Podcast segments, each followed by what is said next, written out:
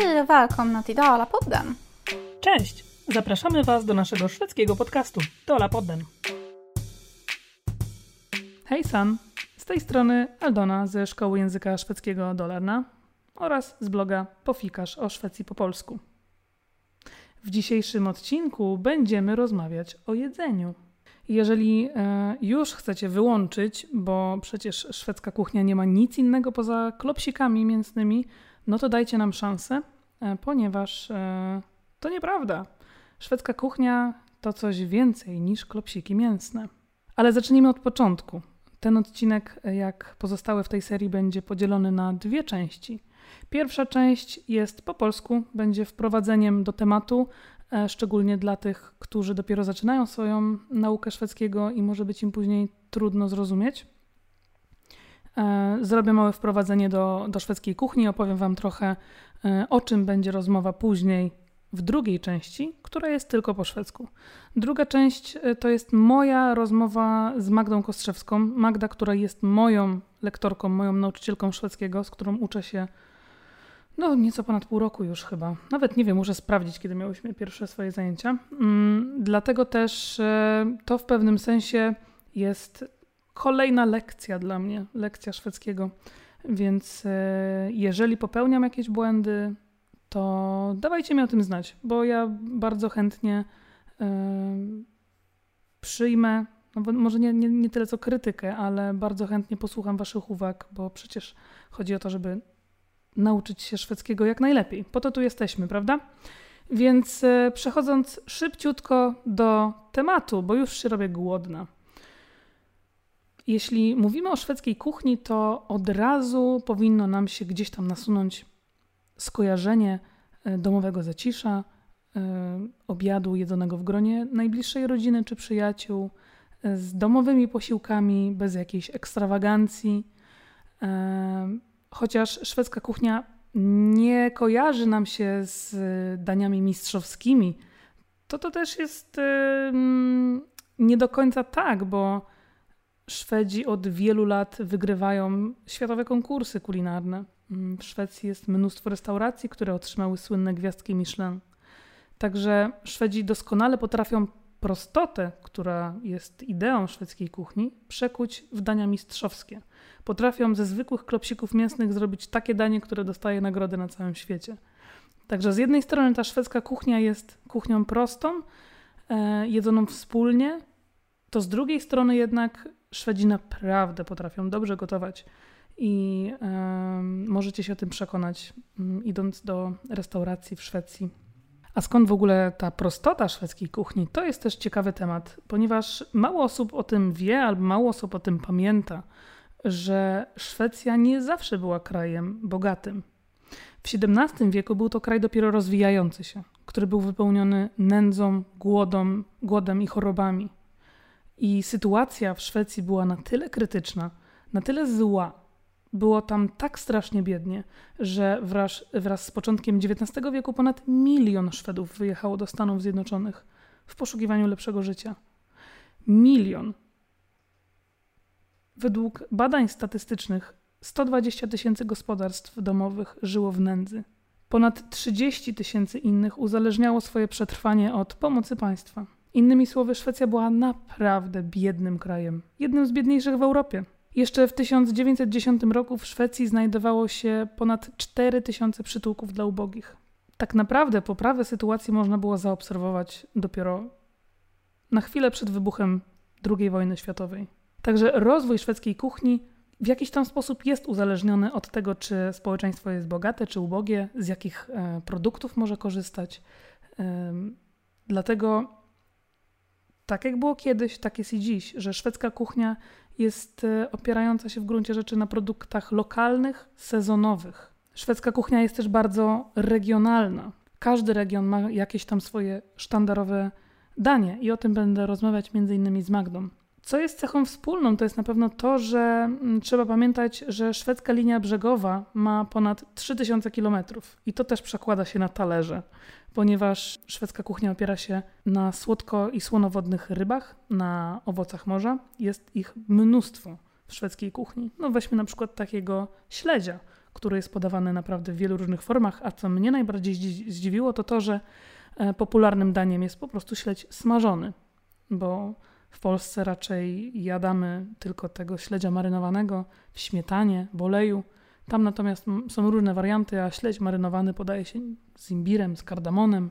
W Szwecji można łowić krewetki, także to jest e, bardzo popularnym atrakcją turystyczną na jeziorze Wenern jest to, aby wsiąść na statek, złowić krewetki i podczas tego rejsu zjada się tyle tych krewetek, ile się złowi. Także jest to raj dla miłośników krewetek. Inną rzeczą, która jest bardzo szwedzka, to są przecież lasy. Także y, ogromną, y, ogromną częścią szwedzkiej kuchni są właśnie dary lasów, czyli y, dziczyzna, czyli wszelkie jagody, również i grzyby. To już może nie jest związane tak bardzo z lasem, bardziej z tą tundrą północną, ale jest też e, malina morożka, jurtron po szwedzku. Nazywana jest złotem północy. Jest to roślina typowa dla koła podbiegunowego, natomiast e, jest tak bogata w wartości odżywcze, że chroniła ludności północne przed szkorbutem na przykład. I jest bardzo, bardzo droga, ponieważ zbiera się ją ręcznie, e, a dodatkowo bardzo szybko kwitnie, więc jest, jak pojawia się, to jest bardzo mało czasu na to, żeby ją zebrać. Szwedzi również opierają kuchnię o produkty lokalne uprawiane w Szwecji. Jeżeli wejdziecie do sklepu szwedzkiego, to zobaczycie e, dumnie, dumnie głoszące napisy, że jest to produkt pochodzący ze Szwecji czyli wszelkiego rodzaju e, buraki cukrowe, ziemniaki, marchew, ogórki, warzywa kapustne, pomidory, jabłka. To są wszystkie te rzeczy, które w Szwecji rosną i najchętniej się je spożywa. Nie importowane, tylko właśnie te lokalne. Bardzo ważną rolę w diecie Szwedów stanowi również mięso. Statystyki wskazują na to, że przeciętny Szwed zjada rocznie ponad 50 kg mięsa i 10 kg mrożonych produktów zawierających mięso. No ale Polacy nie odstają, bo przeciętny Polak zjada aż 70 kg mięsa rocznie. Ta różnica jest prawdopodobnie tak znaczna, ponieważ e, w Polsce zjada się o wiele mniej ryb, a to jednak e, ryby są na piedestale, jeżeli chodzi o szwedzką kuchnię. I w dalszej części, tej części już po szwedzku, posłuchacie na przykład o serach. To też jest taki nie do końca znany albo nie do końca taki. Mm, wybijający się fakt o tym, że Szwedzi są na dziesiątym miejscu na świecie pod względem zjadanego sera. Statystyki mówią, że przeciętny Szwed zjada aż 19 kg sera rocznie. To jest ogromna ilość. E, także cała Skandynawia generalnie słynie z serowarstwa, ale Szwecja ma kilka takich rodzimych produktów, z których jest bardzo dumna i które są no po prostu fenomenalne. Także yy, w, na, w drugiej części nagrania posłuchacie o różnych serach, posłuchacie o tym, że w Szwecji wytwarzany jest jeden z najdroższych serów na świecie. Najdroższych serów na świecie. Na całym świecie. Także to jest taka ciekawostka. Posłuchacie też o różnych, mm, ja to nazywam anomaliami jedzeniowymi. E, no, ale tak na potrzeby dyplomatyczne powiem, że mm, różnymi ciekawostkami jedzeniowymi, jak na przykład pizza z bananem czy pizza z mięsem z kebaba. Posłuchacie też o tym, y, gdzie zjeść najlepszy falafel w Szwecji. Dowiecie się, który szwedzki ser jest ulubionym serem Izabeli Skorupko. A także y, posłuchacie o ogromnym konflikcie, jaki jest pomiędzy dwoma daniami nazywanymi palt i kropkakur. Także zapraszam do wysłuchania rozmowy. Just det, vi ska faktiskt prata om mat idag. Så, eh, om Så vad har du ätit för frukost? Eh, alltså jag har hunnit äta två frukostar. Två? Du vet, så jag, jag äter bara, mycket. Jag har bara vatten. Ja, jag har hunnit äta yoghurt och jag har yoghurt med flingor och jag har faktiskt hunnit äta smörgåsar. Så ja, eh, jag äter ganska mycket. Jag är ganska liten. Men... Det, det, det, ser inte ut som en person som... Men jag behöver ganska mycket mat. Ja, men på tal om mat. För att, alltså, Maten är bra. Jag kan i alla fall eh, liksom, jag kan prata om mat nu för jag är inte hungrig. Så eh, vad tänker du på när du tänker på svensk mat? För, alltså, jag tänker i alla fall på fika, kaffe, bullar, kanelbullar, prinsesstårta, gifflar och mycket kanel i allmänhet. Vad tänker du på? Ja, så jag måste säga att eh, när jag frågar eh, någon om eh, vad de tänker om när jag säger svensk mat, så jag alltid hör ett svar. Du vet vilken. Surströmming eller köttbullar? Nej, köttbullar. Och det, jag tror att det finns... Jag vet, jag vet inte varför alla tycker att det är någonting som svensk, svenskarna har gjort uh, bäst, köttbullar. Så jag, när jag tänker om svensk mat, um, så det första som jag tänker på är, är uh, ost. För att uh, svenska ostar är bästa i världen. Uh, och sen tänker jag om, jag äter inte kött, men jag tänker om älgstek, älgstek som mm -hmm. är uh, någonting typiskt svenskt. Mm, jag tänker på kroppkakor. Mm. Så är det inte en kaka, det är inte sött. Nej, inte alls. Ja, så ja, det är det som jag tänker. Men berätta lite om ost, för att du vet typ en massa om ost. Jag vet att du vet en massa om ost, så nu får du dela med dig av lite kunskap här. Jag, jag vet inte om jag vet massa, ma massa, massa saker om ost, men uh, när någon frågar mig vilken är min favoritdessert, så jag säger ost och på polska är det... Det funkar på det, polska. Det funkar på polska som ett skämt. Uh, dessert. Så därför, uh, ja, jag, jag väljer ost. Uh, eller jag gillar ost mer än, jag vet inte, kakor. Uh, så ehm, ja, svenska ostar. Mm, det finns, uh, för mig, det finns tre bästa ostar som man måste smaka när uh, någon är i Sverige. Så först är, eh, det ser ut som en typisk Gouda. Eh, inget speciellt, men uh, präst heter den uh, och har sina rötter i Småland. Och namnet av osten kommer från, det var ett betalningsmedel när det var dags att betala kyrkoskatt. Och de eh, sätter mer, lite mer grädde för att ost blir mer um, fett. fett. Krämig? Eller Krämig okay. ja. och, och har mer och fett. Och uh, så prästen var inte arg. Okej. Okay. Därför, där, därför nam namnet kom, kommer uh, från. Och uh, det smakar jättegott. Den är ja, den bästa gul, jag vet inte om det funkar på svenska som gul ost. Nej, alltså det är bara ost. Det är bara ost. Det, ost det är, är alltid gul. Ja, och hård. Och hård. Okej, okay, ja. okay, vi har dessertostar som typ, det är väl brie och camembert. Jag är inte så bra på de här ostar som inte är så goda, alltså inte kan hyvlas med osthyvel. Du gillar inte ost?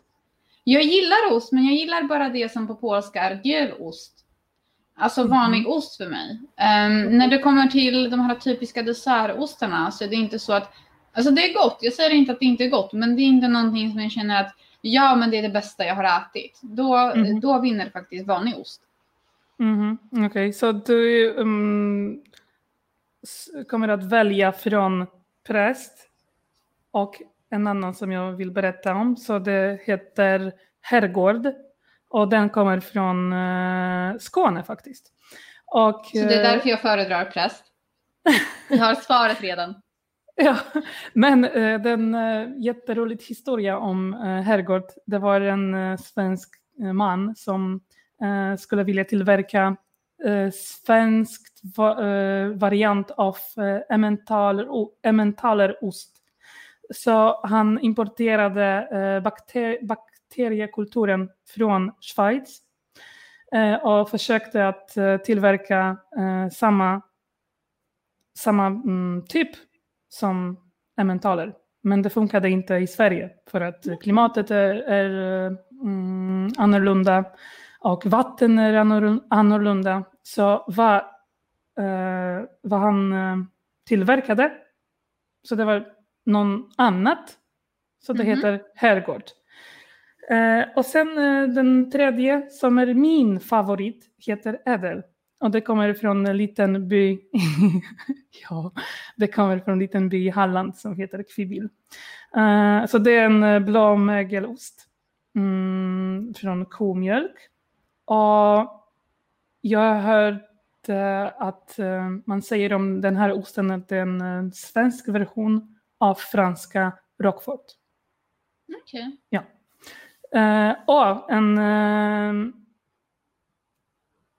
någonting intressant att uh, i Sverige finns en av dyraste ostar i hela världen. Jag vet inte om du visste om det?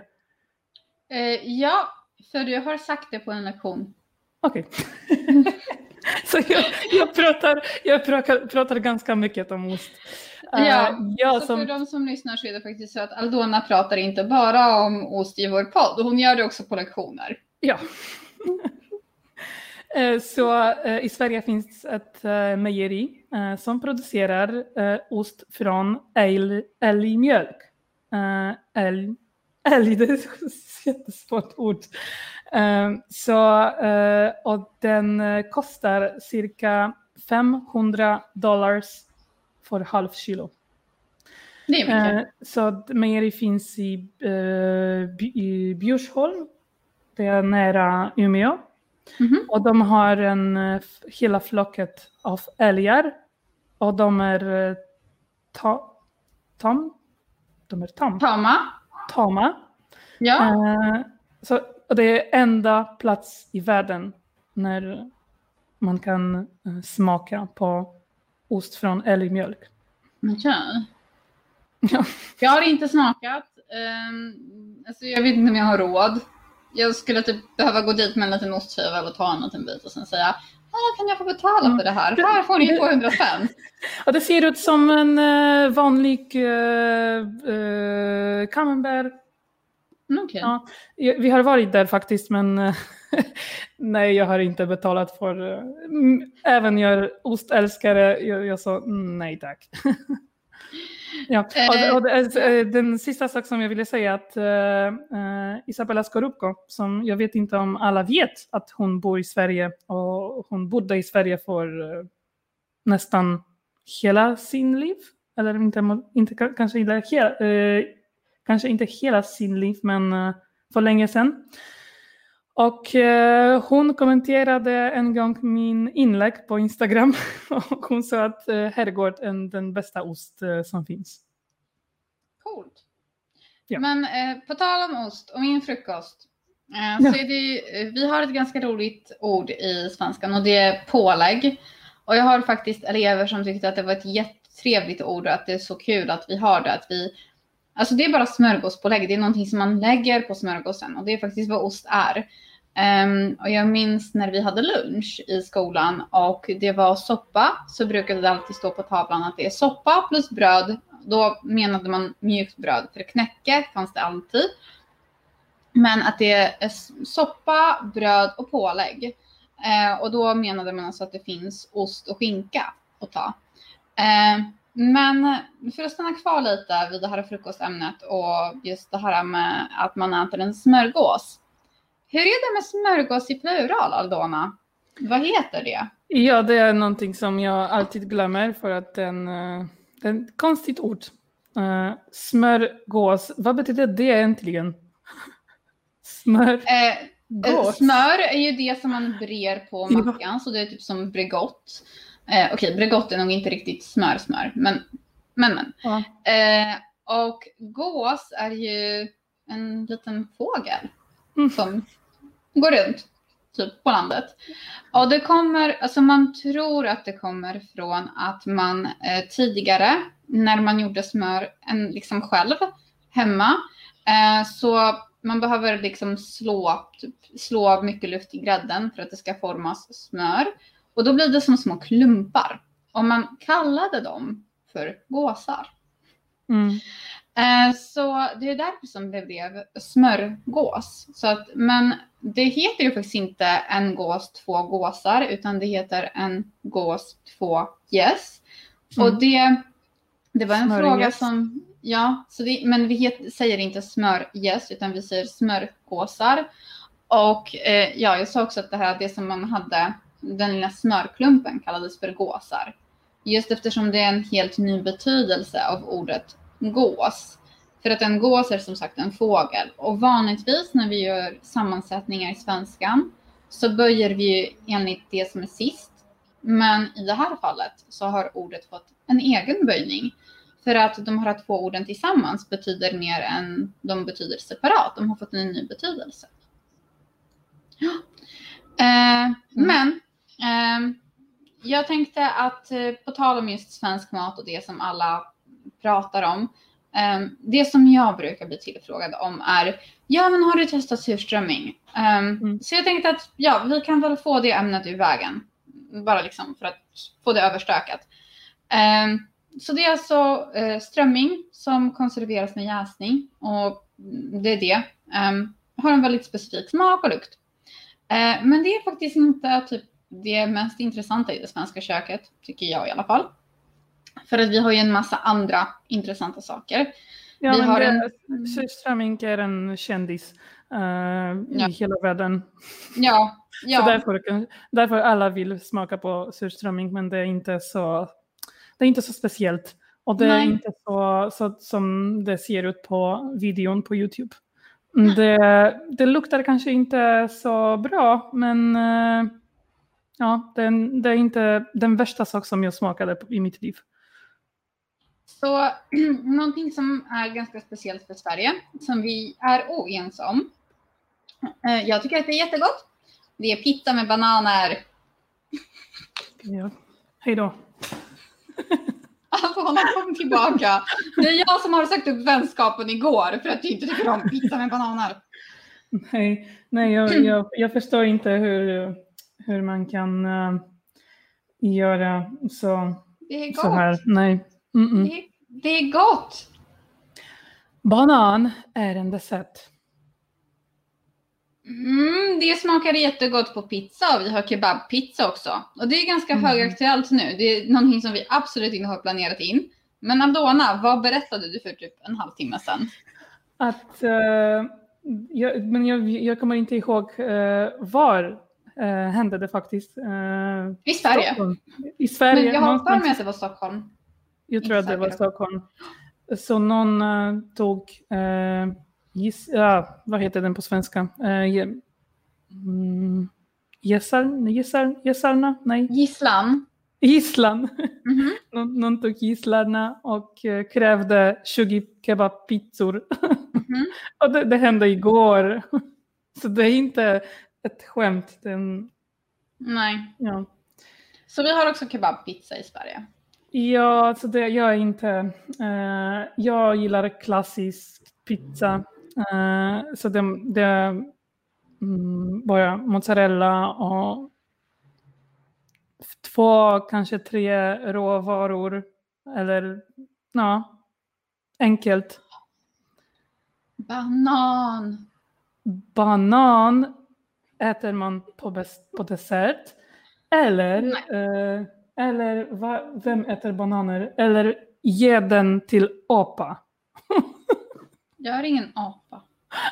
Eller jo, jag härstammar från apor så det. det nej, jag förstår inte, nej, jag förstår inte hur man kan äta pizza med banan eller kebab. Nej, nej. Men om vi, om vi pratar om uh, orientalisk smaker, typ kebab. Så uh, till alla som gillar eh, mat så jag rekommenderar en eh, YouTube-kanal som heter Uppdrag Mat. Eh, och det var en avsnitt när eh, ledare som heter Mauri letade efter Sveriges bästa falafel. Och det finns faktiskt i Malmö. Och det var, eh, den, den heter, ju, oj, jag, jag, jag, glömde, men någonting med, eh, med Josef falafel, Josefs falafel för att eh, ägare heter Josef. Och Yusuf, uh, eh, Yusuf var faktiskt den som introducerade falafel i Sverige i 1800-talet. Och han fortfarande har uh, hans fottrack på samma plats som många år uh, sedan. Och ja, alla tycker att det är den, den bästa falafel i Sverige. och jag har varit i Malmö flera gånger och jag visste inte om det. Uh, och jag smakade inte uh, på, på hans falafel. Så synd, för att jag gillar falafel jättemycket. Du får en gång till. Ja, ja. Ja, ja. men uh, på tal om någonting som är egentligen lite och runt. Så... Um, kött, nej, köttbullar. Mm, typ, det är ju bullar men de är inte söta. Ja, jag, eh. gillar vegetar jag äter bara vegetarisk köttbullar, inte köttbullar. Veggebullar. Eh, veggebullar. Veggebullar. Ja, men köttbullar är ju liksom någonting som många tycker är typiskt svenskt. Mm. Um, kanske på grund av Ikea också, för att eh, liksom man förknippar Ikea med Sverige och sen så finns köttbullar där. Och... Men man vet faktiskt inte riktigt varifrån köttbullarna kommer. Um, så det första receptet kom med i en kokbok skriven av Kajsa Warg och det var 1755. Um, ehm, men tidigare så tror man att det fanns någonting som hette frikadeller i Sverige. Och det, mm, alltså troligtvis var det någonting som var ganska likt köttbullarna. Men man har en teori att köttbullarna kom till Sverige under 1700-talet med Karl XII. Och eh, man, alltså, man säger i alla fall att han åt dem som bullar, alltså verkligen som bullar. Han åt dem eh, till kaffet, alltså som tilltugg till mm. kaffet. Kött till kaffe? Mm, ganska äckligt. Eh, ja, jag känner personer som äter pasta med ketchup så. Det är gott. Det är fortfarande gott. Och du hatar potatisar. Så jag, jag, jag, vet inte, potatis, jag vet inte varför jag pratar med dig fortfarande. Jag äter också pizza med bananer. Mm. Eh, men alltså, vi har ju ändrat lite i receptet. Så mm, man har lagt i lök som man troligen inte hade till en början. Och så muskot, det hade man i början och det är många som inte använder det längre. Så det, det har förändrats lite men det har blivit en symbol för det svenska köket även internationellt. Men. Och, och det ja. finns också mjölk i recept. Ja. Och, så det var konstigt för mig. Ja, och bröd. Alltså det är väl ströbröd. Mm. Jag äter inte heller mm. kött, så jag är inte heller så duktig på att tillaga köttbullar. Men, ja. men det finns faktiskt också andra saker som är runda, lite större. Och någonting som min katt är döpt efter. Och det är kroppkakor. Um, så kroppkakor, uh, de för mig, eh, när jag tänker på kroppkakor så tänker jag på Småland, Blekinge och sen de två öarna. Eh, så det är Öland och Gotland. Eh, för mig är de nog lite mer förknippande med Öland, men jag tror att det har mer att göra med att jag åt min första kroppkaka på Öland. Um, Nej, jag, jag, tror att de kommer från Öland faktiskt. Ja, alltså det, när det kommer till kroppkakor så är det väldigt debatterat varifrån de kommer, vad som egentligen är en kroppkaka. Eh, och sen så finns det inga typ, bestämda saker kring det. Men det finns ju olika varianter av dem faktiskt. De är ungefär lika stora som en tennisboll. Och man fyller dem med fläsk och lök. Och degen är potatisbaserad. Potatis. Mm. Eh, Sen så finns det någonting som är ganska likt kroppkakan och eh, det är faktiskt en ganska populär Google-sökning. Vad är skillnaden mellan kroppkakor och palt? Eh, så palt förekommer mest i norr och där finns det även paltserior där man kan äta palt. Och även det här är bollar gjorda på en potatisdeg som fylls med fläsk. Eh, så det som kanske är lite roligt med palt är att vi faktiskt har ett ord som heter paltkoma och det är att man är trött efter maten. Så det är baserat på palt faktiskt. Ehm, men ja, så skillnaden mellan det ena och det andra. Jag försökte faktiskt hitta ett svar eh, om det finns någon skillnad. För jag äter inte kött så det är inte så lätt för mig att typ eh, ja, provsmaka mig fram till en skillnad. Så jag kan bara läsa teorier. Ehm, det finns en ganska känd eh, person inom liksom, svensk mathistoria och det är Edvard Blom. Eh, och han påstod så här att en kroppkaka måste ha en fyllning för att det blir då en kropp. Och sen så är det så att vi har kakan, alltså deg, runt kroppen. Eh, och att det är egentligen det som man borde säga skiljer kroppkaka från palt. Så det, det var hans teori. Eh, men det finns också en massa andra teorier som folk har liksom försökt hitta bevis för. Så det första, och det har jag faktiskt också läst i en lärobok någonstans, eh, att palt görs av råpotatis och kroppkakor görs av kokt potatis. Men eh, om vi då liksom återvänder till Öland så är det så att Öland har två varianter av kroppkakor. Så vi pratar om vita kroppkakor som görs på kokt potatis och så har vi gråa kroppkakor som görs på råpotatis. Så vi har inte riktigt den skillnaden. Och de gråa kallas också ibland för Blekinge kroppkakor. Så ja, eh, man säger liksom att de gråa är mer Blekinge och de vita är lite mer Småland, och Öland och Gotland. Men eh, som sagt så finner man båda typerna på Öland. Nästa teori är att det kroppen som det är skillnad på, alltså fläsket i kakan. Så man säger att eh, palten har rimmat fläsk och att kroppkakan har rökt fläsk. Men om man då tittar på lite olika recept som man kan hitta i kokböcker eller nu online så är det faktiskt stor variation mellan recepten. Så det är inte någonting som det finns bevis för. Och nästa teori är att... Men, ja. Ja. Nej, nej, nej. Sista jag, teorin jag, bara. Jag vill bara säga att uh, någon som vet inte hur kroppkakor uh, mm. ser ut, som, de liknar lite uh, till uh, pizza. Ja, de är lika. Mm. De är ganska lika, liknande. Mm. och den sista teorin kretsar faktiskt kring lök. Att det kanske är så att lök förekommer i kroppkaka, men att en liksom äkta person från Piteå aldrig skulle lägga lök i sin palt. Men igen, om man då pratar med folk där lokalt så finns det folk som har lök i sin palt och det finns folk som inte har den.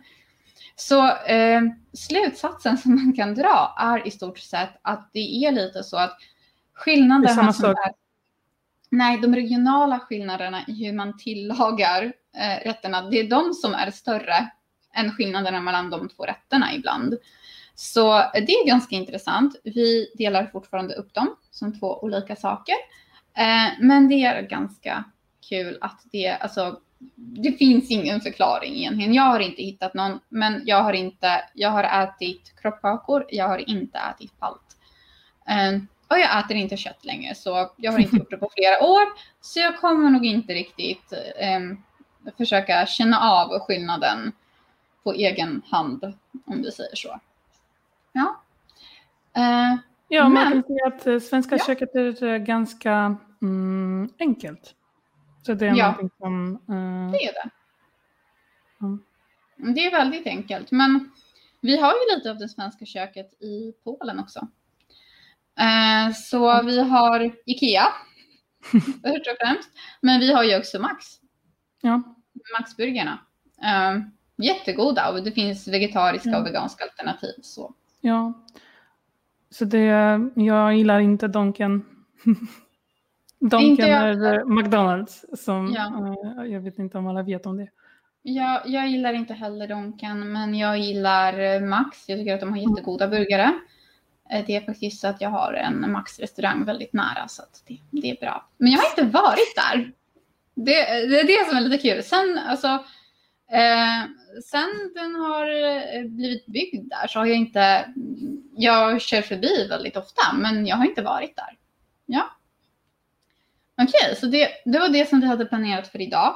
Eh, när det kommer med det här till, för att jag såg en kommentar som flög förbi någonstans där. Mm. Eh, det var det här med dessert, så ja man säger väl att man äter någonting till dessert. Det var till någonting som du sa, liksom att ja, så bara för de som inte varit med från början så är Aldona min elev. Så, Um, det kan hända att det, jag sitter inte heller och rättar henne genom hela podden. Ja, men ni, ni, ni alla är välkomna att, att skriva kommentarer så jag vill lära mig så jag är öppet till kritik. Öppen, ja, öppen. öppen. ja, ja eh, men eh, nästa vecka så ses vi inte på torsdag. Vi ses på tisdag, men samma tid. Um, samma tid gäller. Jag, jag åker till Sverige för att äta kroppkakor, för att äta köttbullar. Ja. Men alla i en vegetariant. Eh, och vi ska prata om dessert faktiskt. Så vi ska prata om det som man äter efter huvudrätten. Nej, vi ska prata om bullar och semlor och prinsesstårtor. För att det är det som jag tycker om. Jag äter mycket socker. Ostbullar. Okej, okay, så jag kan, jag kan prata lite om eh, ostkaka. ja, det kan du få göra. Jag tycker inte det är gott, men, men varsågod. Det, det är konstigt. Bara lite. Säg det inte till andra. Okej, okay, de så det var... De lyssnar. Så det var allt för oss idag. Men eh, vi ses nästa vecka, men som sagt på tisdag.